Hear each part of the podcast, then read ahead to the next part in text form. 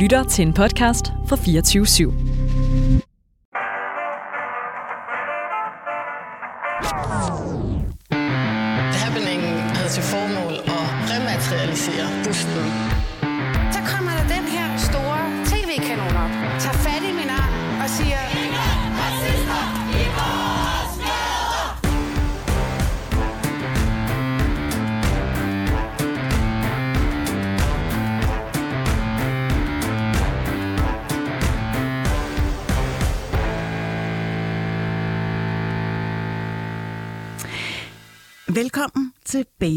Og Boomer. Et debatprogram, der handler om identitetspolitik og generationskløfter. Ung som gammel.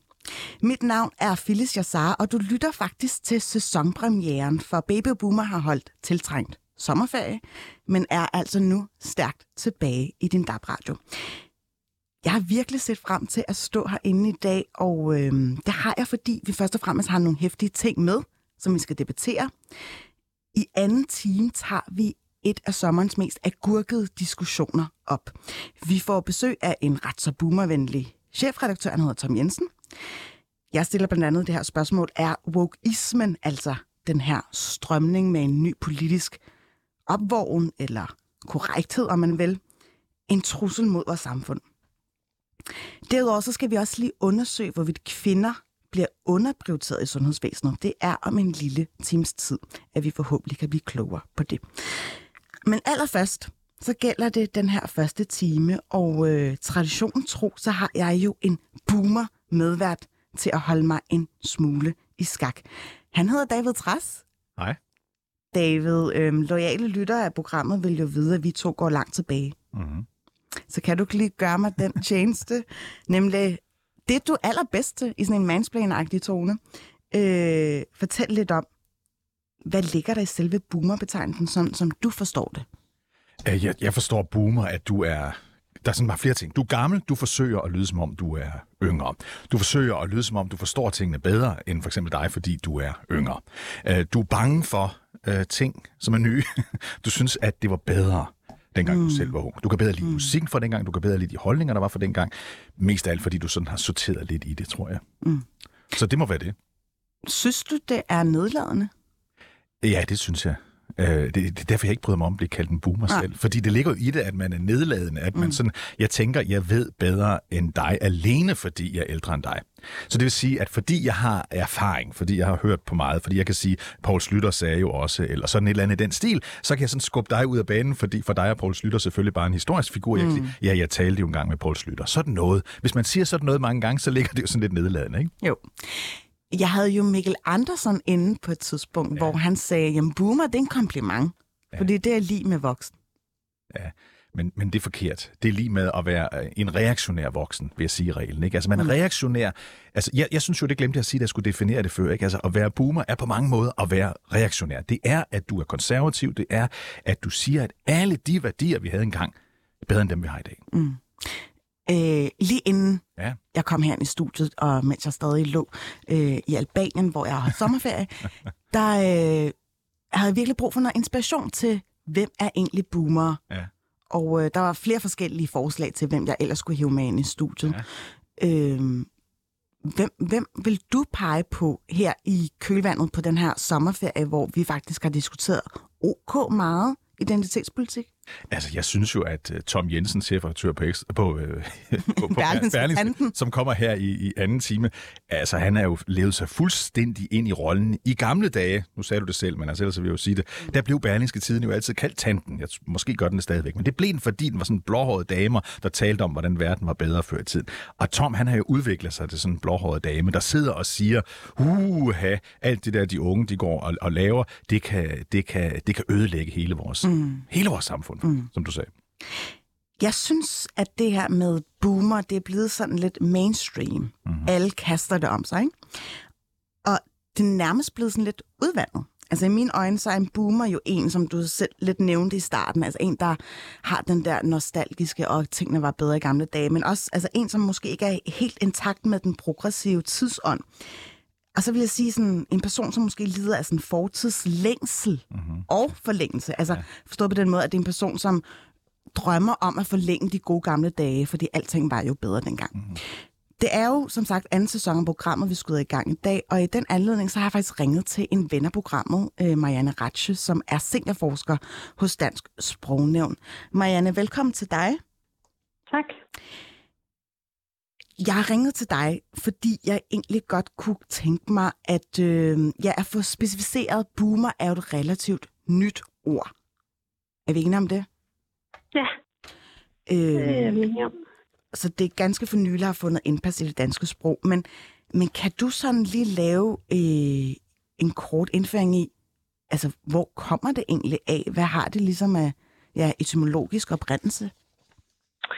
Jamen altså, øh, det kommer af amerikansk babyboomer, og det er jo simpelthen fordi, øh, at der jo i øh, efter 2. verdenskrig øh, blev født en hel masse børn, øh, og derfor var, kaldte man det jo et babyboom. Øh, og, øh, og, og, og, og boomer er sådan set bare en afkortning af babyboom. Øh, i, I dansk kalder vi det de store årgange, eller kalder vi det de, de store årgange, ikke? Men, øh, men babyboomer er, eller boomer er en afkortning af babyboomer, og i starten betød det sådan set bare person, der er født under babyboomet der efter 2. verdenskrig. Mm. Og så her i nyere tid, så er det så begyndt at udvide sig og betyde, at man er født mellem 46 og 64. Og her de senere år har vi så fået det her med okay boomer, som så har virkelig boostet det her med boomer, og har gjort, at, at, øh, at boomer er blevet til et skældsord, øh, som især unge mennesker bruger til at, at kritisere den her generation, øh, som altså sådan lidt aktivistisk, som nogen, der ikke rigtig følger med tiden, og som er privilegieblinde, og som ikke er, er politisk bevidste om sådan nogle problemstillinger som øh, køn og klima og, og seksualitet og så videre. Ikke? Og så, som jeg, jeg er først lige kommet ind nu her, så jeg hørte noget lige at høre, at du sagde, at det er blevet udvandet, og det, det synes jeg også er rigtigt, fordi øh, i dag øh, kan man bruge det nærmest bare om ældre mennesker. Altså, jeg, jeg så for et par uger siden en, en liste, hvor der stod øh, 10 tegn på, at du er boomer. Og der, altså, der er slet ikke noget øh, med, med politisk øh, privilegieblindhed osv. Der handler det simpelthen om, at man er blevet gammel. Ikke? Det er sådan noget med, øh, du boomer, hvis du øh, helst vil ankomme i lufthavn, mens tre timer inden flyet går, eller du stadig modtager fysiske, fysiske reklamer i postkassen. Ikke? Så der er det simpelthen blevet så udvandet, så det bare handler om, at man er blevet gammel. Mm. Så en ting er den der øh, politiske privilegieblindhed, øh, men noget andet er også, at det faktisk også kan være en, ty- en meget øh, type form for adfærd. Jeg tænkte på, ja. Ja. men kan det ikke også være sådan et state of mind, forstået på den måde, som i unge også kan være lidt boomeragtige? Altså, at, øh, at unge kan være boomer, fordi de er sådan lidt øh, gammeldags i det. Ja, hvis de netop modtager reklamer fysisk i postkassen. Jamen, det tror jeg godt, man kan. Altså, det er simpelthen blevet øh, så udvandet et begreb, som man, ja, netop som du siger, state of mind, at man kan Mm. mm. være boomeragtig, hvis man er ung, ikke? At man er sådan, altså man kan måske sige, ej, hvor er du morfaragtig, eller hvad er du boomeragtig, fordi man er, man er gammeldags. Så det, det tror jeg godt, at man kan være, ja. Øh, har du et boomerspørgsmål, David? Ja, jeg vil godt spørge dig, Marianne, altså hvis man, hvis man altså det der ord med, altså et, et andet ord, jeg sagde før, at jeg synes, synes, at en boomer også er betegnet ved, at vedkommende er reaktionær. Er det, er det, er det rigtigt, altså, altså, altså at man, at man godt kan sætte et lighedstegn mellem boomer og så reaktionær? Altså, øh, ja, det kan man vel godt, men altså, det er alderdommen vel noget, der alderdom gør ved os alle sammen, nær sagt. Ja. Altså, øh, ja, der skulle jeg måske bare tale for mig selv, men altså, Lige præcis, ja. øh, et eller andet sted, så... Føler du dig øh, selv som boomer, Marianne? Altså i nogle hensener, altså øh, jeg kan da godt mærke, at, øh, at jeg, jo ældre jeg bliver, jo mere øh, vil jeg gerne have tænkt, det bare var, som de, som de hele tiden har været. Altså, øh, og det, det tror jeg, der bare er, er noget, der, der kommer med alderen. Og, øh, ja, og, og jeg synes, boomer er et, et dejligt udtryk, fordi man, øh, man kan bruge det netop som det der state of mind, ikke? At oh, der var jeg lige lidt boomer Altså, øh, så, så den udvandede bro øh, har jeg da taget til mig med, med kysshånd, og det fornemmer jeg, at mange har. Altså, at vi har manglet noget, hvor vi sådan med lidt sjov, fordi det er jo også lidt spøgende, ikke? Altså, man kan sige det selv ironisk om sig selv, øh, hvor at det i starten var aktivistisk, et aktivistisk skældsord, og måske også stadigvæk er det stadigvæk, samtidig med, at der er den der lidt, lidt spøgende hehe, øh, betydning. Nogle bliver jo enormt fornærmet, når man siger, at de kan være boomer. Men jeg tænker på, omvendt, det er jo nærmest været en, øh, en tilbagevendende kliché, at en ældre øh, hvad det hedder, befolkningsgruppe altid har peget fingre af ungdom og sagt, I har ikke styr på en skid. Jeg kan ikke lade mig at tænke på, er der øh, noget tilsvarende boomer, hvor det er de ældre, der kan pege fingre af ungdommen? Ja, det er der jo. Altså, vi har jo øh, generation Snowflake, øh, som jo også er et helt nyt udtryk, som ikke er så udbredt overhovedet som boomer, men som jo findes, og som vi har med i vores nyårsbog, sprognævnens nyårsbog, øh, som betegner en generation af unge, som er de her øh, snifnuk, der smelter, bare de får en lille smule øh, varme, ikke? Altså unge, der er sarte, der er let at fornærme, og som har det meget svært med krav.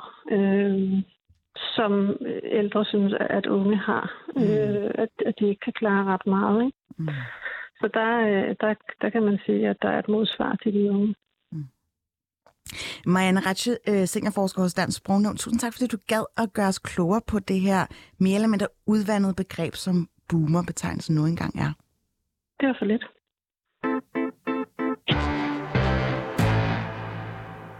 David, nu var du faktisk inde på det der med at være reaktionær, ja. og så har jeg lyst til at stille det der lidt djævske spørgsmål til dig. Ja. Hvornår har du sidst været reaktionær? I går. Altså, jeg går en tur i, i København med min, min datter, og så ser jeg, at der sidder en mand ude foran en Emery's og læser en avis, altså sådan holder en avis i hånden. Og så siger jeg faktisk til min datter Anna, som er 27, så siger jeg til hende, øhm, kan du se der, der sidder en mand og læser avis, og når man gør det, så får man et bedre overblik, fordi man ikke bare sådan scroller ned på nogle, nogle hjemmesider. Der kan jeg jo godt se, at hun kigger på mig, at, at, at det er et reaktionært gammelt fjols, der taler nu. Fordi, øh, fordi så kommer vi jo ind på, hvad rigtigt er, at der altid været forskellige måder, hvorpå man har tilgået sine nyheder på. Og det der med sådan at holde fast i, det var bedre, dengang vi sad og læste avis, er jo dybt reaktionært, mm. fordi det kommer jo ikke til at ske igen, selv hvis det var bedre, hvad det heller ikke var. Men altså, mm. det kommer ikke til at ske igen. Der var en, der havde skrevet på det her store, øh, jeg, jeg, jeg vil ikke kalde det boomer sociale medier, men det kan det godt gå hen og blive. Det er bare en stakket frist i forhold til Twitter, ja. hvor der er en, der har skrevet, at øh, i dag blev jeg så virkelig glad over at se en masse unge mennesker læse avis i ja. S-toget, ja. indtil jeg fandt ud af, at de faktisk brugt det som remedie til at se, jeg laver noget virkelig ekstraordinært, og ser gammelt ud og læser avis. øhm. Ja, og det, og, det, og, det, og det er et gammelt trick, fordi da jeg gik på journalisthøjskole, nu lyder jeg virkelig gammel, men det gjorde jeg i starten af 1990'erne, der brugte vi faktisk weekendavisen til at pakke tipsbladet ind i, fordi vi på den måde så klogere ud, ikke? Nå. Så det var det samme. Og så kunne I gemme jeres... Så havde vi tipsbladet inde i... Nej, jeg troede, der var politikken bag Weekendavisen. Nej, nej, nej, vi, vi gemte tipsbladet, altså fodbold, ja, ja. inden, inden øh, sad vi med Weekendavisen. Nå, Gammel træk. Det var en anden tid, kan Det var en anden tid. Øhm, det du gjorde, David Træs, ja. det var jo, at du forlod mig. Ja. Øh, babyen her. Ja. Øh, for at drage over there to USA. Ja. Prøv lige at fortælle, fordi der kan jeg mærke, at polariseringen omkring wokeness ja. eller identitetspolitik, den slår fuldstændig sprækker gennem alle øh, lederkanter af det amerikanske ja, institutioner og samfund. Ja, og det er jo fantastisk spændende at følge, fordi som altid, så det, der sker i USA, sker før hos dem, end det sker hos os, og det sker med større fart, og det gør det, fordi forandringerne er større. Så derfor, hvis, hvis du tager over og følger alt det her med woke, øhm, boomer-diskussioner derovre, så er de dramatisk større, fordi der er mere på spil. Så lad os lige tage hovedbilledet her. I USA for 40 år siden, der var 85 procent af befolkningen hvid. For 40 år siden 85 procent af befolkningen hvid. I dag omkring 60 procent af befolkningen hvid. Om en generation, altså om 25 år, så regner man med, at det er under halvdelen, der er hvide. Det er udgangspunktet for alle de her diskussioner, fordi den her gruppe af hvide, kristne, engelsktalende, typisk republikanske mennesker, det er dem, der er redselslagen for at se alt det, som de synes, denne woke-bevægelse kommer med. For hvad kommer den med? Den kommer og siger, at det er ok at være homoseksuel. Det har de efterhånden vendt sig til, at det er ok, men de har stadigvæk lidt svært med det. Det er også ok, at homoseksuelle bliver gift med hinanden. Det har de det noget svært med. Det er ok, at kvinder selv bestemmer, om de vil have en abort eller ej. Det er ok, at transkønnet skriver en bog, som bliver udgivet, og som ligger på børnenes bibliotek, så de kan låne den om, hvordan det er, at du finder ud af, om du er transkøn, eller hvordan du finder ud af, at du er øh, homoseksuel. Øh, det er også diskussioner, der handler om, om du er et mindretal, altså om du er sort, hispanik, hispanic, eller hvad det nu måtte være, at du skal have lige rettigheder, du skal være lige stillet med, med, med de hvide. Så de her diskussioner, de kører altså på de helt høje navler, og det er et af, hvad skal man sådan sige, de to, tre, fire allervigtigste politiske spørgsmål. Det, der afgør øh, allerflest øh, politiske spørgsmål, det er lige præcis det her identitetspolitik. Mm. Og det betyder i virkeligheden, er du hvid, engelsktalende, kristen, eller er du noget af det andet, og helst også heteroseksuel, eller er du noget af det andet? Ikke? Det er der, det diskussion kører. Det kører helt vildt hele tiden. Så hvis man er lidt øh, vaks ved haveloven, mm. så skal man faktisk bare holde øje med, hvad der sker i USA. Tror du, nu har du jo også været korrespondent og har virkelig meget kendskab til de amerikanske forhold, men tror du virkelig, at med den immigrationshistorie, som også gør sig gældende i USA, at det kan, altså, det kan adapteres til vores lille, bitte andedam i Danmark? Ja, det kan det godt, fordi nogle af de diskussioner, der kører på den her identitetspolitik eller woke-debatten, det handler som sådan nogle isolerede emner, men i virkeligheden handler det også om utrygheden hos en gruppe reaktionære hvide mennesker overfor, at der er kommet så utrolig mange fremmede, som de kalder mm. Altså folk med en anden kultur, som for eksempel dig og din albanske kultur. Altså folk, der kommer... Jeg har ikke albansk kultur. Nå, okay, jeg troede, du havde albansk kultur, undskyld. Men... Nej, nej, nej. Det vil svare til at sige, at du havde Jysk? Ja, norsk. Nå, okay, undskyld. Du er jo fra Nordjylland. Er fra Nordjylland, Det kan ja. du glemme. Undskyld, jeg trækker... Ej, jeg, jeg, mine bedsteforældre kommer fra Makedonien, Makedonien, men undskyld. jeg vil jo bare sige, at jeg var dansk. Ja, det vil jeg også sige. Jeg sagde baggrund. Jeg sagde baggrund. Og det, der ligger i det, det er, fordi du, du ser, du ser, Ja. du kigger på det, hvis du sådan er lidt utryg ved, hvad der foregår, så ser du alle de her ting heriblandt indvandring, mm. heriblandt, øh, heriblandt øh, alt det seksuelle og alle de her ting, som gør folk enormt utrygge. Det, der er interessant, det er, at jeg tror jo, at den debat i Danmark indtil videre er en hel del mindre relevant for mange mennesker, end den er i USA. Mm. Fordi de talstørrelser, vi taler om, er meget mindre. Mm. Men øh, bottom line er, at det er faktisk nogle hvide privilegerede mænd, som lige pludselig føler, at de bliver trådt på på deres privilegier, ikke? Ja, og, og, og kvinder. Og kvinder. Og kvinder, for ja. Altså privilegerede, typisk hvide, eller næsten altid hvide kvinder. Og Men det er sjovt, fordi at jeg tror, at vi i vores senmoderne demokratier jo virkelig bryster os af at sige, at vi står virkelig vagt om, at alle er født lige Mhm. og har adgang til de samme frihedsrettigheder. Ja. Man har bare ikke lige opdaget, at åh oh nej, lige så snart der er nogen, der gør krav på de samme frihedsrettigheder som mig og får lov til at føle så meget, så går det faktisk ud over mig selv. Ja, og, og hvis man nu skal være sådan, sådan, sådan djævelens advokat i det her, så ja, det gør det jo også. Fordi det var nemmere for mig, øh, Felix, da jeg startede som ung journalist, at få et chefjob, end det var for en ung kvinde, der er lige til mig. Af den simple årsag, at alle, alle, alle cheferne, også på det laveste niveau, var mænd. Så det vil sige, det var jo nemmere at være en hvid mand, da jeg var 30, eller 20, eller 25, end det er at være en hvid mand i dag, der er 20 eller 25, 30. Det synes jeg er helt fint, for jeg synes, de privilegier, privilegier vi havde, var alt for overdrevne. Men isoleret set, så jo, det er lidt sværere at være en ung hvid mand i dag, end det var, øh, da jeg var en ung hvid mand. Mm. Det er stadigvæk meget nemmere, end at være alt muligt andet. Mm. Skal man bare huske på. Jeg kan huske i starten af året, der var du så heldig at have Inger Støjberg med i studiet, hvor hun ret tydeligt sagde, at hun synes faktisk, det var rigtig synd for øh, hvide mænd, fordi de blev lidt forfulgt. Ja. Og det får mig faktisk til at lede tankerne om det forestående folketingsvalg. Ja.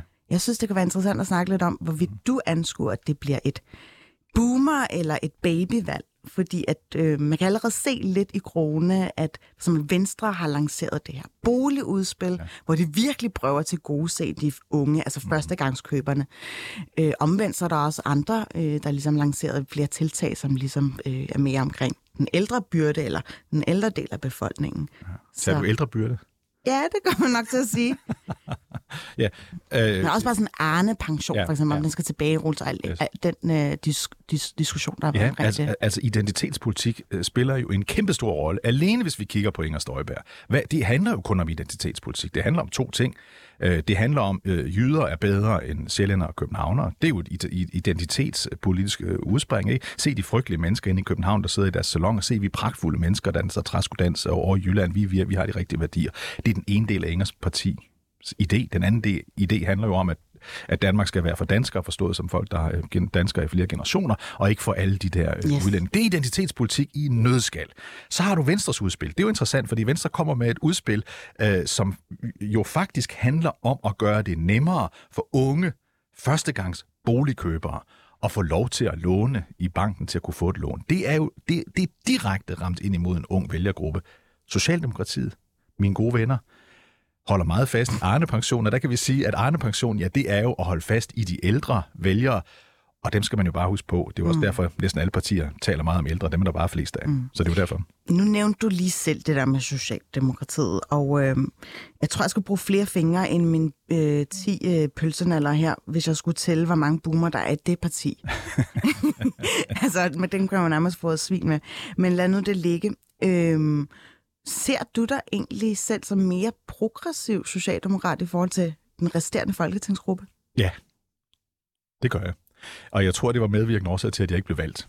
Øhm, fordi jeg står og har altid stået et, synes jeg selv, det lyder meget selvrosende, når man kalder sig selv progressiv, for der ligger der jo, at man er moderne og, og, og kigger fremad og alle de ting. Mm. Det synes jeg, at der ligger jeg øh, mere på, man i gamle dage ville måske kalde det venstrefløjen i Socialdemokratiet, men mm. ja, det synes jeg, og jeg synes, det er ærgerligt, at der er så mange i Socialdemokratiets ledelse, der så ofte ytrer sig så boomeragtigt i de her diskussioner. Sådan, sådan, altså, som om man ikke forstår... Øh, altså nye dagsordner. Det skal man bruge tid på at, at sætte Men sig det ind. er jo også en politisk strategi. Ja.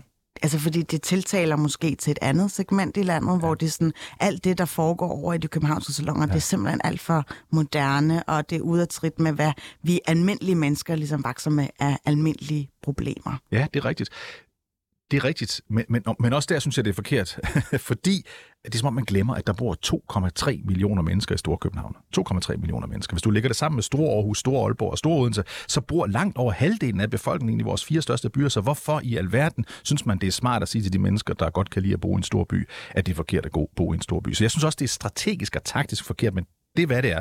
Meget mere interessant er det, at det er forkert, synes jeg, at mm. forsøge at støde folk ud, bare fordi de lever på en anden måde end flertallet. Mm. David, vi startede med at lave det her program, mm-hmm. indtil du øh, ja, forlod, øh, forlod mig til fordel for en, en, en tur i USA. Øhm, men faktisk så gjorde du mig jo en lille bitte tjeneste ved at forlade mig, for, for mens du var væk, så prøvede jeg jo en masse boomer af mm-hmm. som øh, substitutter for dig. Og der må jeg bare sige, du er jo vand i forhold til de typer, der render rundt i den offentlige debat. Øhm, lad os tage for eksempel Christian Markusen, som er professionel Facebook-debattør, lyst at sige, ja. men øh, øh, han, ham havde jeg inde, øh, og han var rimelig hurtig til at sige, at sådan noget med patriarkatet, ja. det findes sgu ikke. Det er en skrøne. Okay. Hvordan har du det med det? Øh, jamen, det findes jo. Det findes jo alt den stund, at du stadigvæk kigger på, at hvis du kigger på, øh, altså, hvem sidder i bestyrelserne, hvem er bestyrelsesformænd, hvem er administrerende direktør, hvem indtager de der absolute topposter i samfundet, med nogle få undtagelser, blandt andet den vigtigste, nemlig statsministeren selvfølgelig, men altså rigtig kæmpe stort lag, så er det stadigvæk mænd, øh, der sidder der. De vigtigste netværk er stadigvæk mænd. Altså, det, det, det er jo meget bedre, end det var engang, men det er stadigvæk øh, ja, det, det, det, det, der er et patriarkat i Danmark. Det er der selvfølgelig. Mm. Jeg har fået skudt i skoene, at jeg jo ser lidt spøgelser, mm. fordi at jeg jo lige så snart, jeg kigger for eksempel på min egen arbejdsplads, ja. der er der kun mænd i ledelsen, ja. og det synes jeg er jo lidt spøjs. Og ja. så kan jeg jo godt øh, lige pludselig blive sådan rigtig mandehadsk. Ja. Sådan, ah, de fylder kraftet med os, det hele. Ja. Øh, du har jo sendt det her program, der hedder Trossi Træs, ja. i løbet af sommeren. Ja. Prøv lige at forklare, hvorfor er du så trodsig? Jamen, det er fordi, at det, som jeg jo selv en, en gang synes var sådan standard holdninger, både i Socialdemokratiet og Venstre og Konservative, altså sådan en ordentlighed over for folk, der, der var lidt anderledes end en selv. Øh, ordentlighed over for, øh, for, for fremmede, for det udtryk, der bruges. Altså, var, der var en gammel sang, nu mansplaner jeg igen for at gå tilbage i tid, ikke? men der var en berømt sang i 90'erne, øh, Knacks, øh, øh, som sang til en kampagne, som Dansk Flygtningehjælp lavede, der hed en fremmed er en ven, du endnu ikke har mødt. Altså de der, de der ting, som er helt normale, at man sagde sådan nogle ting, er pludselig blevet øhm, ekstreme. Og så når jeg siger det, så lyder jeg som om, jeg er trodsig, synes jeg nogle gange i de her. Jeg tror, det er derfor, det navn, øh, trodsig træs, blev valgt, fordi at, at det, som jeg selv synes er ret normale synspunkter, øh, er blevet øh, er blevet ekstreme, fordi der er sådan en kæmpe stor midte, der er blevet enige om, nu redefinerer vi racisme. Det betyder slet ikke, at du siger noget grimt om en bestemt befolkningsgruppe. Hvorfor skulle det være racisme? Nej, nej, det er ikke racisme. Øh, racisme det er noget, der findes i Amerika, findes slet ikke i Danmark. Sådan nogle diskussioner, når jeg så siger det modsatte, så er det faktisk at være trods i dag. Mm. Jeg havde lidt håbet på, at du vil faktisk øh, drage parallel til din Twitter-konto, ja. som oftest har det med at få folk op af stolen. Ja, det må jeg nok sige her. Ja. Øh, hvad, hvad tænker du egentlig om det, at du faktisk har det med at fremprovokere en masse kritiske røster rettet mod dig? Det er jo meget personligt Ja, og ja, al- altså det, er- ja, det er meget voldsomt, men altså på den anden side, der er også et privilegie i det. Det privilegie ligger, at øh, jeg åbenbart vil bare at sige pip der på Twitter, kan, kan tænde øh, sådan nogle typer som ham der, Christian mm. Markusen af, som du nævnte lige før, på 0,5 til, til, til at gå helt amok i de her diskussioner. Man vil jo altid helst have, det vil jeg jo også helst have, Phyllis, at alle, når jeg skrev noget, klappede og sagde, hvor er han klog, hvor er han dygtig. Hvor var det fantastisk. Han lige så det, som vi andre ikke havde set det endnu. Men sådan er virkeligheden jo ikke. Det, det, det, de jeg fleste melder sig siger det et modsatte. nu synes jeg, at jeg skulle logge af. Og det var fordi, du var i New York, og jeg tænkte, nu skal han altså lige, nu skal han jetlag. Måske Ja. skal han bare lige, ja, logge lidt Jeg af. siger folk, at jeg skal holde ferie. Hold nu ferie, David, skriver de så, ikke? Ja. Hvorfor skal jeg hele tiden holde ferie? Jeg har taget nogle Twitter-opslag med, og det er fordi, jeg synes, det er lidt øh, påfaldende samtidig sådan øh, boomer-adfærd. Jeg vil Det, nu sige, du var nu lidt boomer, der, da du sagde Twitter-opslag. Det hedder jo tweets. Ja, det hedder tweets, det er rigtigt, men, men jeg tænker jo på vores gamle lyttere, ikke? og så er der en, der har skrevet her, Søren Pedersen, det gjorde han her den, den første dag i august, så skrev ja. han, tænker du egentlig nogensinde tilbage på den tid, hvor du skrev fremragende artikler for, for, øh, for DK Medier, altså i modsætning til at sidde og lege femårig drillebind på Twitter? Øh, jamen, og så har du svaret, alle tider er gode. Ja, det men- er de også, ja. Men en femårig drillepind, David? Jamen, det ved jeg ikke. Altså, det, det er jo fordi, det der udtryk trodsig, som du nævnte først, det, det er jo fordi, altså jeg kan godt lide, at, jeg synes jo selv bare, at jeg siger tingene, som de er. Og, og Twitter er jo indregnet på, at du gør det meget kort og meget præcist, og det lyder jo lidt ligesom, kan det godt lyde som en femårig, der taler, når man siger et eller andet meget skarpt. Men ved du hvad, altså, altså ham der, der Søren Petersen, som du siger, han hedder, jeg, tror simpelthen heller ikke, han var så glad for det, jeg plejede at skrive i aviser. Det tror jeg bare, han noget, han finder på, fordi han, han, han nu er imod et eller andet, jeg har skrevet. Øh, fordi jeg har altid, lige så lang tid jeg kan huske, øh, har der været folk, der synes, at det, jeg skrev, var, var, var fuldstændig gak og åndssvagt, og jeg burde spærres inde, og hvad ved jeg, øh, fordi mine holdninger var så, så, så, så, så skøre. Og det kan de jo være i en meget lang artikel i Weekendavisen, øh, som jeg har skrevet, eller det kan det være i et meget kort øh, tweet, der er egentlig ikke nogen forskel. Mm. Jeg opdagede jo, at du har det med at fuldstændig overvåge Rasmus Jarlov på Twitter. du har lavet omkring 16 tweets, Ja, altså inden for de seneste sådan 28 dage. ja. Øh, det giver en, en nogenlunde god øh, statistik. Men, men der var i hvert fald det her, øh, som skabte helt vildt meget virak, det der med højt uddannede somalier er bedre end lavt uddannede somalier. Men højt uddannede nordmænd er bedre end højt uddannede somalier. Mm-hmm. Hvorfor var det, du så rødt, da du læste det her? Det er fordi, jeg synes, det var ondskabsfuldt skrevet. Jeg synes, det var racistisk skrevet, fordi der er jo tale om, at du rammer en hel gruppe af mennesker, somalier alene, fordi de er øh, somalier. Jeg synes, det er øh, en måde, som det konservative desværre tit taler på. Vi husker sidste valgkamp, hvor de gik til valg på nazi islamismen, altså bekæmpe nazi-islamismen, som de sagde dengang. Nu ser jeg, at, at Søren Pape Poulsen, den konservative leder, igen er ude at sige, at udlændingespørgsmål er det vigtigste. Som om de hele tiden skal virvle det her op. Og det der, synes jeg, er ondskabsfuldt at sige det, som Jarlov skrev. Så derfor så, derfor så uh, tweetede jeg det. Og det er helt rigtigt, at det, uh, det gav uh, rent udsagt... Uh, En vis palaver, ja, ikke? Jo, jo. Hvorfor tror du, det gjorde det? Altså en ting er selvfølgelig, når man trækker raciskortet og Ja. peger fingre af nogen. Der er jo nogen, der har kigget på dig og sagt, "Men David, du misforstår det. Ja. Og faktisk så misforstår du så meget, at du faktisk bevæger dig i en fuldstændig anden retning end din socialdemokratiske ophav, fordi nogen vil påpege, at Socialdemokratiet faktisk mener basically det samme. Altså for det første, i, i, i, i, i den der debat, når jeg går ind i sådan nogle debatter, så sidder jeg jo, jo ikke og tænker på, at jeg skal lyde ligesom socialt. Er du fuld? jeg er fuld. Tweeter? Nej, nej, jeg tror ikke, jeg har været... Jeg var ikke fuld ved den der lejlighed, i hvert fald. Jeg kan ikke afvise, at det er sket en gang imellem, men, men, men det er dog ikke normalt, at, at det er der, jeg skriver tweets. Men, men altså, jeg, sidder, jeg, jeg repræsenterer jo ikke Socialdemokratiet. Jeg ved godt, jeg er første suppleant til Folketinget for Socialdemokratiet, fordi jeg stiller op i 2015, men jeg har ingen som helst tillidspost. Jeg har ingenting med partiet at gøre. Når jeg ytrer mig, så gør jeg det øh, i egen ret. Der er ikke nogen, der for det første siger, hvad jeg skal sige. Der er ikke Men nogen, nu spørger det jeg dig, hvad tænker du om, at der er faktisk nogen, der kan lave en sammenligning med øh, Socialdemokratiets udlændingepolitik på det her område, og så konservativs? Fordi der er ikke langt, de er ikke så langt væk fra Nej, hinanden. altså jeg vil jo være ked af, øh, hvis der er nogen derude, og det ved jeg jo, der er, der siger, at der er ikke en stor forskel. Det var for eksempel mange, der skrev i forlængelse af det der øh, pågældende tweet. Det synes jeg er ærgerligt, for det synes jeg, der bør være. Øh, jeg synes, det ville være dejligt, hvis øh, Socialdemokratiet brugte mere tid på også at omfavne alle de kæmpe store fordele, Danmark har haft ved den indvandring, der har været i Danmark. Siden, og det skal man altid huske, vi selv bad alle disse indvandrere om at komme i 1960'erne, fordi vi havde brug for arbejdskraften. Der er enorme fordele, som de har givet samfundet, og det synes jeg er ærgerligt, at der tales så utroligt lidt om, inklusiv fra øhm, Socialdemokratiet. Mm. Men hvis vi går ind i semantikken i selve det her mm. tweet, så siger han jo basically, at øh, det er nemmere at integrere nordmænd, højt uddannede nordmænd, mm. end det er at integrere højt uddannede somalier. Ja. Det føler jeg faktisk er til tider lidt common sense, fordi at ja, øh, nordmænd er for helvede, det har engang været inde under det samme kongerige, og vi mm. ligner hinanden, har samme religion osv. Kan du godt se, at det er det, han prøver at fremture, eller det han ligesom prøver faktisk at sige? Nej, øh, altså øh, det, det som der er deprimerende ved det, han siger der, det er jo, at han sender et signal til alle dansk somalier om, at lige meget hvad fanden I gør, lige meget hvor stor en uddannelse I får, lige meget hvor meget I gør, så vil I altid være ringere end en nordmand. Det synes jeg er så uædelt sagt af et folketingsmedlem. Jeg synes, det er meget ubehageligt sagt.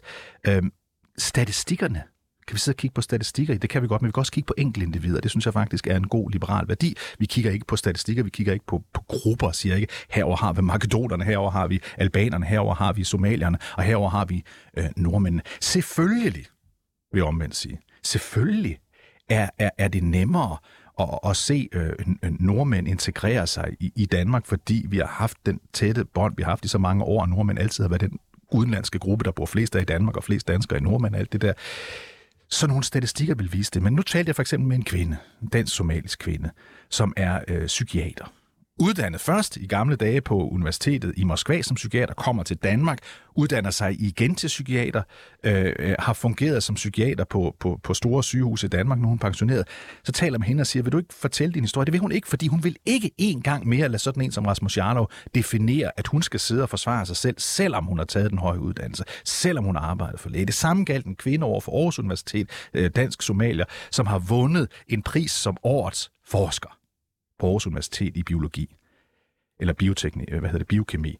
Altså, jeg kan godt forstå, at de her mennesker tænker, hvis sådan en mand der, der har været, altså Rasmus Jarlov, der har været minister, som øhm, kan blive det igen, hvis de borgerlige får magten, mm. siger sådan noget om mig, så har jeg jo aldrig en chance. Det synes jeg er uinspirerende og, og, og trist at høre på.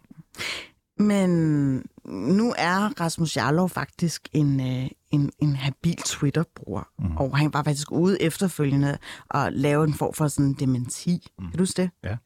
Øhm, jeg spurgte ham faktisk, ja. om han havde lyst til at være med, eller sende dig en lille ja. hilsen, og han gad faktisk ikke at træske rundt i det mere. Ja. Det er jo også efterhånden et par uger siden, han ja. lavede det her.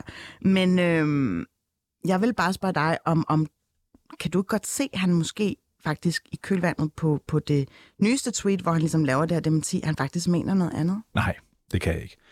Det, som han siger i det oprindelige øh, øh, tweet, det er det, han mener.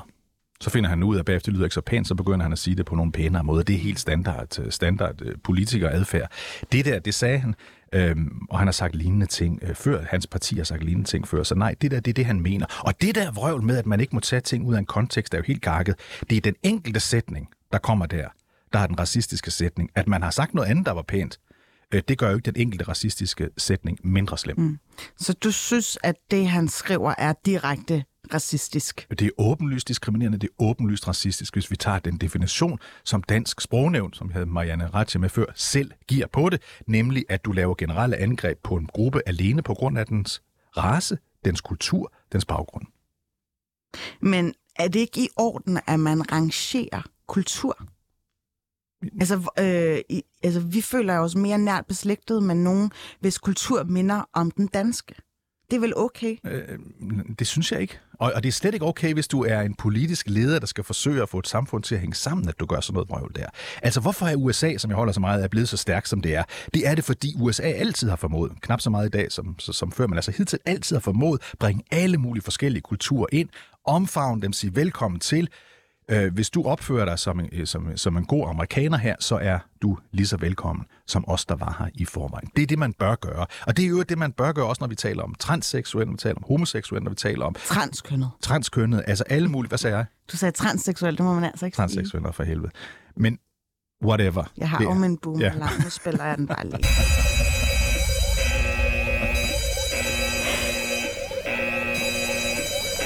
Ja, du lytter til Den Baby. stopper aldrig. Nej, den stopper aldrig. Den, den er, lige så snart du, du taler, så er det bare en underlægningsstøj. Du lytter til Baby Boomer. Mit navn er Felicia Sar, og jeg har David Træs med øh, som dagens boomer, om man vil. Øh, selvom du ikke selv ser dig som boomer. David, du lavede også et tweet øh, i midten af juli, så skrev du, min definition på woke er simpel at opføre sig ordentligt. Ja. Det vil jeg gerne have, at du lige udpensler. Det er at. Det er, at man tager hensyn til andre.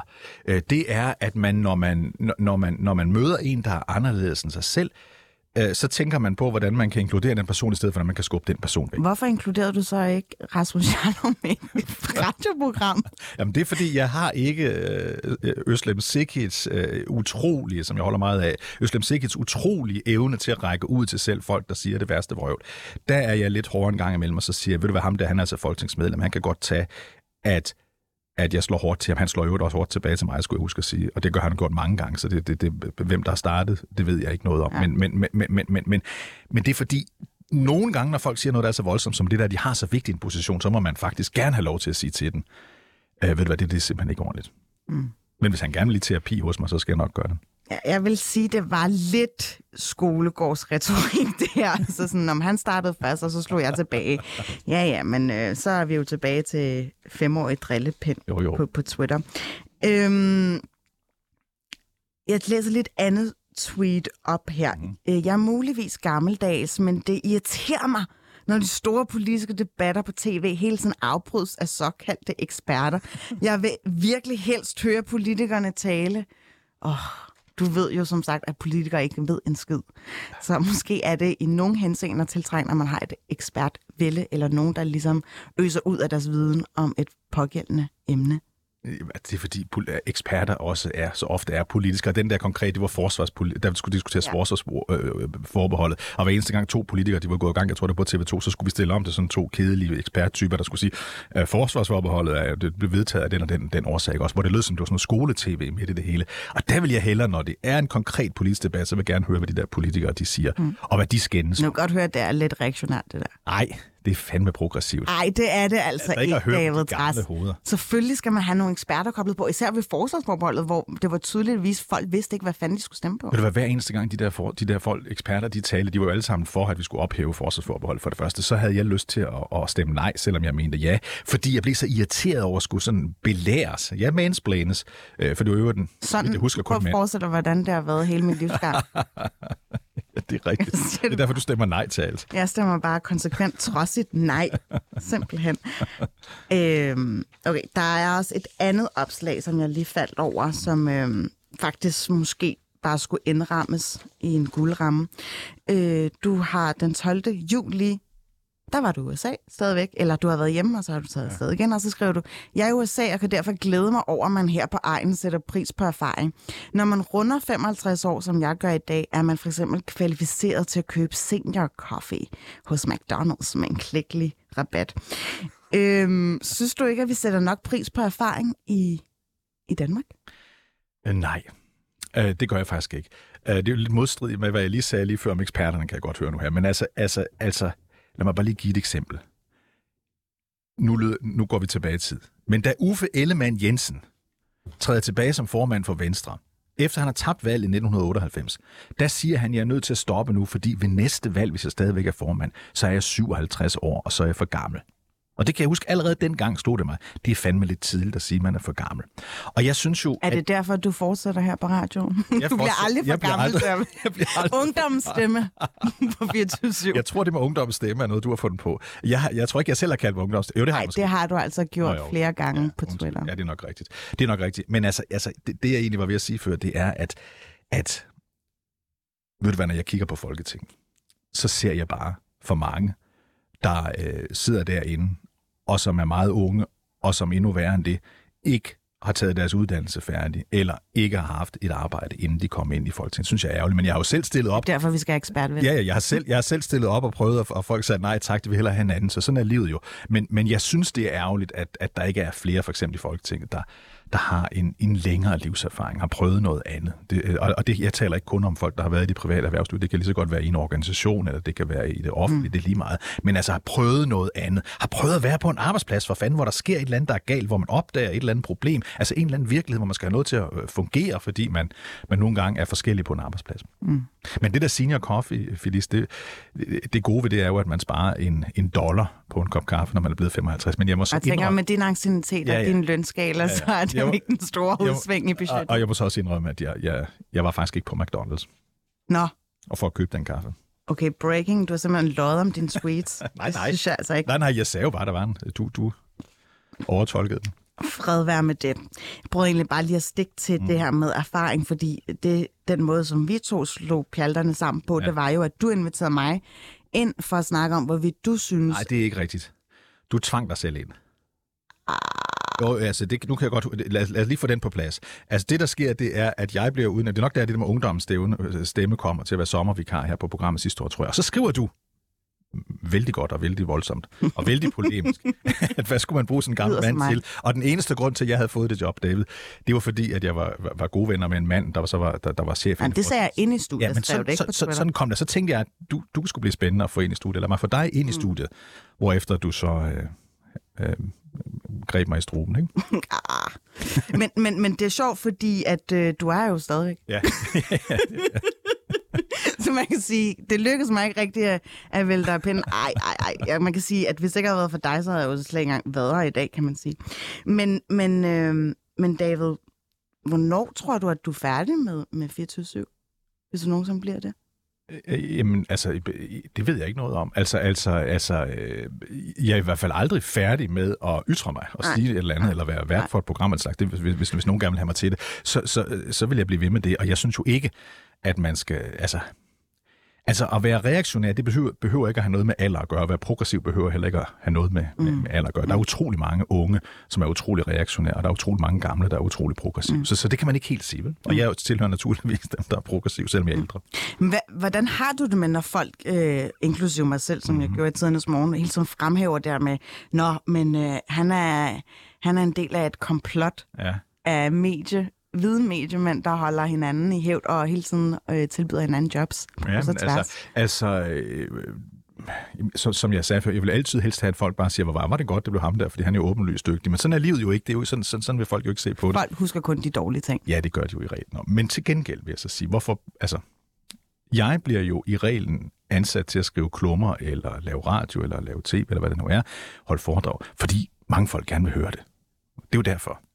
At det så ikke er sikkert, at de ville gøre det, hvis ikke der havde været en af mine gode venner, der sagde, det er jo derfor for helvede. Det er jo derfor, ikke? Altså, altså, altså, altså øh, øh, ingen vil jo blive ved med at hyre mig til at skrive en klumme, hvis der ikke var nogen, der mm. Mm. Så enkelt er det jo. Mm.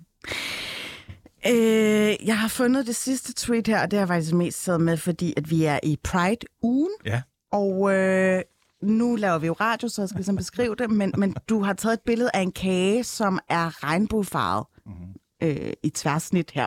Ja. Øh, og det er så med reference til Pride-flaget. Ja. Og så har du skrevet, skal jeg købe den kage? Ja. Bare sådan her, uh, se mig, jeg er simpelthen så våget, at jeg overvejer at spise en Pride-kage. Ja. Hvad er fidusen bag det her tweet? Hvad fanden er fidusen bag det? Øhm, altså, når man nu gerne vil fremstå som woke, Phyllis, mm-hmm Øhm, du er jo woke. Og progressiv. Jamen, så skal, man jo, så skal man jo huske at minde folk om, at man er der. Mm. Så måske var det derfor, jeg lavede den der. Mm. Og så tror jeg faktisk også, det var fordi, at det var, mens jeg stadigvæk var i USA, jeg havde nogle gange lavet nogle billeder af noget mad. Som, det var der, hvor du ikke var lukket af? Ja, hvor, hvor folk synes, at jeg spiste for usundt. Måske var det også en reference til det. Nå, det skal jeg altså ikke være herover. Til gengæld så øh, er det jo en del af programmets præmis, at jeg faktisk øh, forholder dig til nogle identitetspolitiske øh, mærkesager, ja. principper om vil. Og øh, det er det her boomerbarometer, ja. hvor du skal erklære dig ene eller uenig ja. i, øh, ja, i selve udgangspunktet her. For eksempel så, øh, så vil jeg meget gerne høre din stillingtagen til hvorvidt identitetspolitik udelukkende er et venstrefløjsfænomen? Det er det ikke. Altså, højrefløjen går jo helt vildt meget op i det, hvis, det hvis det er sådan, man ser på det. Mm. Øh, venstrefløjen er den progressive del af det, men de andre er sandt for dyden den reaktionære del af det. Og nogle gange synes jeg faktisk, det lyder som om, at højrefløjen bruger mere tid på at tale om, hvor frygteligt det her er, end venstrefløjen bruger på at, at, at tale det her emne op. Mm. Kan Nikolaj Likås lægge stemme til en sort karakter? Ja, det kan godt. Nå, nogen vil jo mene, at nu, hvor der endelig muligheden byder sig for at indhente en, en sort skuespiller, ja. fordi de får i forvejen ret få jobs. Ja. Så hvorfor er det, at Nikolaj Likås endnu en gang skal hamstre opmærksomheden, eller hamstre jobbet? Ja, øh, fordi han er dygtig til det. Men, men, men, men du, den anden del er jo rigtig nok. Vi har ikke så mange sorte skuespillere i Danmark. De skal motiveres, de skal, de skal have nogle, nogle fordele ind i det her, men det betyder bare ikke, at en hvid skuespiller skal ekskluderes fra retten til at kunne gøre det også. Mm. Det går for langt. Nå, okay. Hvad med i forhold til for eksempel en handicappet person? Skal personen så være handicappet selv for at spille en, en handicappet Nej, samme svar, kropskapabel, som man kalder det? Samme svar. Alle skuespillere kan spille alle roller. Men ja, det er selvfølgelig sværere at være en, en, en, en handicappet skuespiller, så nogle fordele til dem forskellige steder, hvor det er muligt. Men, men alle skuespillere skal kunne spille alle roller. Mm. Det er meget lidt woke, det der. Ja, det, det ved du måske ja, det godt. Ved jeg godt. Men du kan godt forstå argumentet imod dig lige Jo, jo, men, men, men, men, men det er for ekstremt at sige, at en hvid mandlig skuespiller i det her tilfælde, eller en hvid kvindelig skuespiller, ikke kan spille forskellige roller.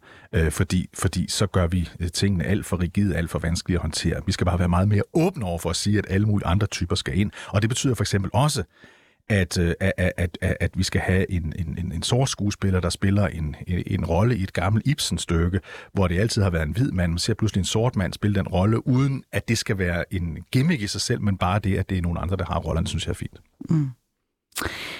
Repræsentation af etniske minoriteter bør vigtig for at sikre sammenhængskraften i vores land. Jeg er helt enig. Nå, okay. Øhm, hvor synes du, repræsentationen halter? Den handler næsten, halter næsten overalt. Den han- halter i, øh, i medierne, øh, hvor vi bare gentagende gange kan se, hvor, øh, altså, hvor få stjernejournalister, der selv har... også i skuespilfaget nu, ikke? Nå, skuespil. Jamen, alle, alle, alle de her steder, altså i medierne, i skuespil, i business, i politik, alle de her forskellige steder, burde vi gøre mere for at sige, at, at minoriteter skulle have, skulle have øh, bedre muligheder for at komme frem. Mm. Det her med at komme frem. Kvinders ligestilling er ene og alene kun begrænset af dem selv. Og forkert. Det er jo indlysende begrænset af de strukturer, vi har i samfundet, som betyder, at det er stadigvæk Altså, der er jo den her banale virkelighed, at der er flere administrerende direktører, der hedder Lars i Danmark, mm. end der er kvinder, der er administrerende mm. direktører. Det siger jo det hele. Der er for mange øh, mænd i bestyrelsen, der er for mange mænd i direktionerne, og det betyder Synes du også, der er for mange mænd i vores ledelse? Ja, selvfølgelig er der det, fordi det, hver eneste gang, man ser en virksomhed, hvor man siger, her er der kun mænd, så er det mærkeligt. Det er Mm. mærkeligt. I en, øh, og ved du, hvis vi nu tager på hele Berlingske Hus, hele Berlingske Hus, så alle dem, der er de øverste direktører, de øverste chefredaktører, er mænd. Og det er mærkeligt, at man aldrig har kunne finde en kvinde til et af de der topjobs. Øh, og, og, og, og, og der har været... Selvfølgelig Mette Østergaard, Ja, hun er ikke den øverste chefredaktør. Altså, hvor, hvor jeg bare siger, det må man altså bare tage sig lidt sammen med at blive bedre til. Mm. Hvis nu Simon Andersen bliver erstattet, tror du så, du er herinde? Det kommer an på, hvem han bliver erstattet med. Hvis det nu bliver dig, Nå, så, du- så håber jeg, at jeg stadigvæk kan komme ind. Men jeg kan jo ikke vide, hvem det er, der kommer ind. Der kan komme en ind, der ikke kan lide mig, for eksempel. Så nej, så vil, vil jeg stoppe, ikke? Det, det tror jeg ikke, han gør sådan lige forløbig. Han er ja, øh, meget rigid, eller f- festende til, til sin taburet. Det er kun rimeligt, at præster kan afvise, at vi er et homoseksuelt par. Nej, det er dybt urimeligt. Det er dybt urimeligt. Altså, en præst i Danmark har jo besluttet sig for, som, som, som Søren, Sir- Søren Kierkegaard sagde i tidernes morgen, at tjene to herrer, nemlig vor herre og staten. Mm. Det er vigtigt at holde fast i. Det er fandme også andre, der betaler hans løn, eller betaler for kirken og alle de der ting, siger. Så nej, en præst, hvis han vil være præst i den danske folkekirke, øh, så skal han øh, vi efter de øh, regler, der gælder. Men folkekirken forkynder jo ikke et ægteskab mellem same-sex marriages. Nem, nem, altså, øh, mig bekendt står der slet ikke noget i, i, i kirken om det spørgsmål, undskyld i Bibelen, om det spørgsmål. Det er også lige meget, om der gør eller ej. Hvis man vil være præst i den danske folkekirke, og det foregår for blandt andet dine og mine penge, hvad enten vi er medlem af kirken eller ej, så, øh, så øh, må man indrette sig efter de regler, der er. Ellers så må man lave en frikirke og gøre lige, hvad det passer ind. Men hvis man gerne vil have løn af os andre, så skal man spille efter de regler, der er gældende i hele samfundet. Og det er, at selvfølgelig må folk af samme køn blive gift i en kirke. Mm.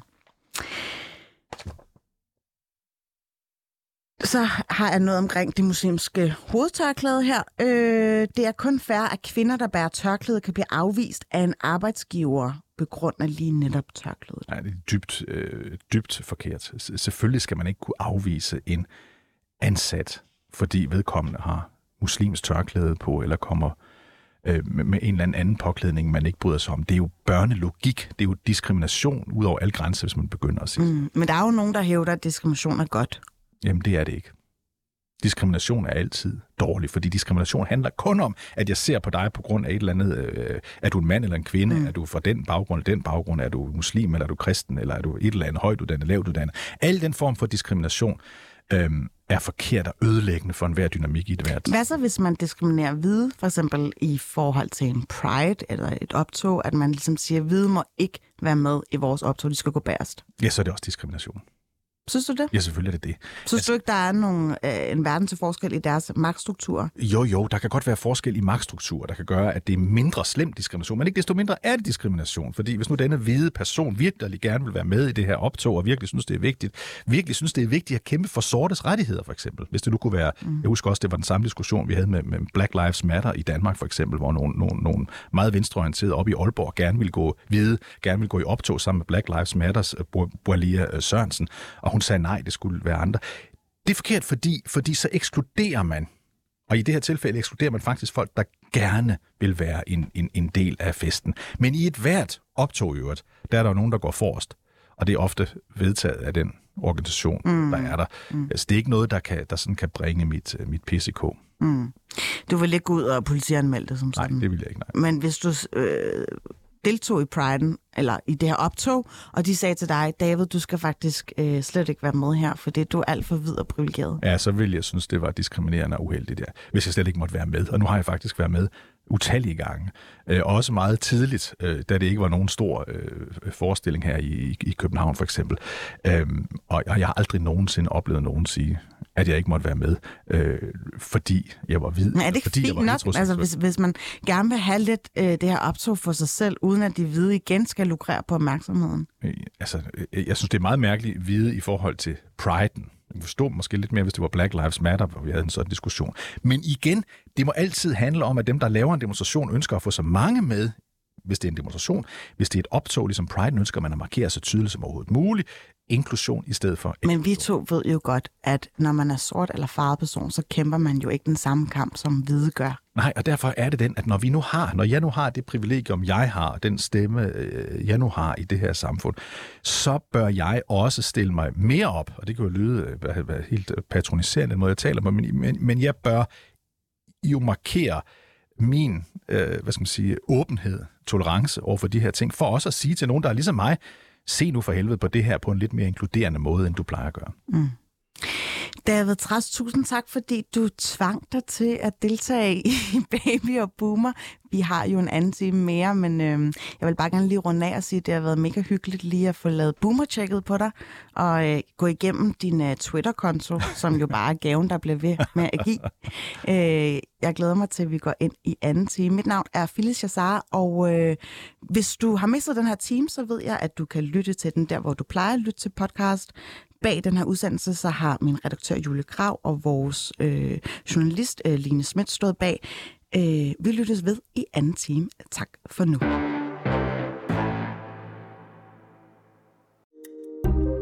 Kære lytter, du har lyttet til et program fra 24 /7. Du kan finde meget mere modig, nysgerrig og magtkritisk taleradio på 24 7 appen Hent den i App Store og Google Play.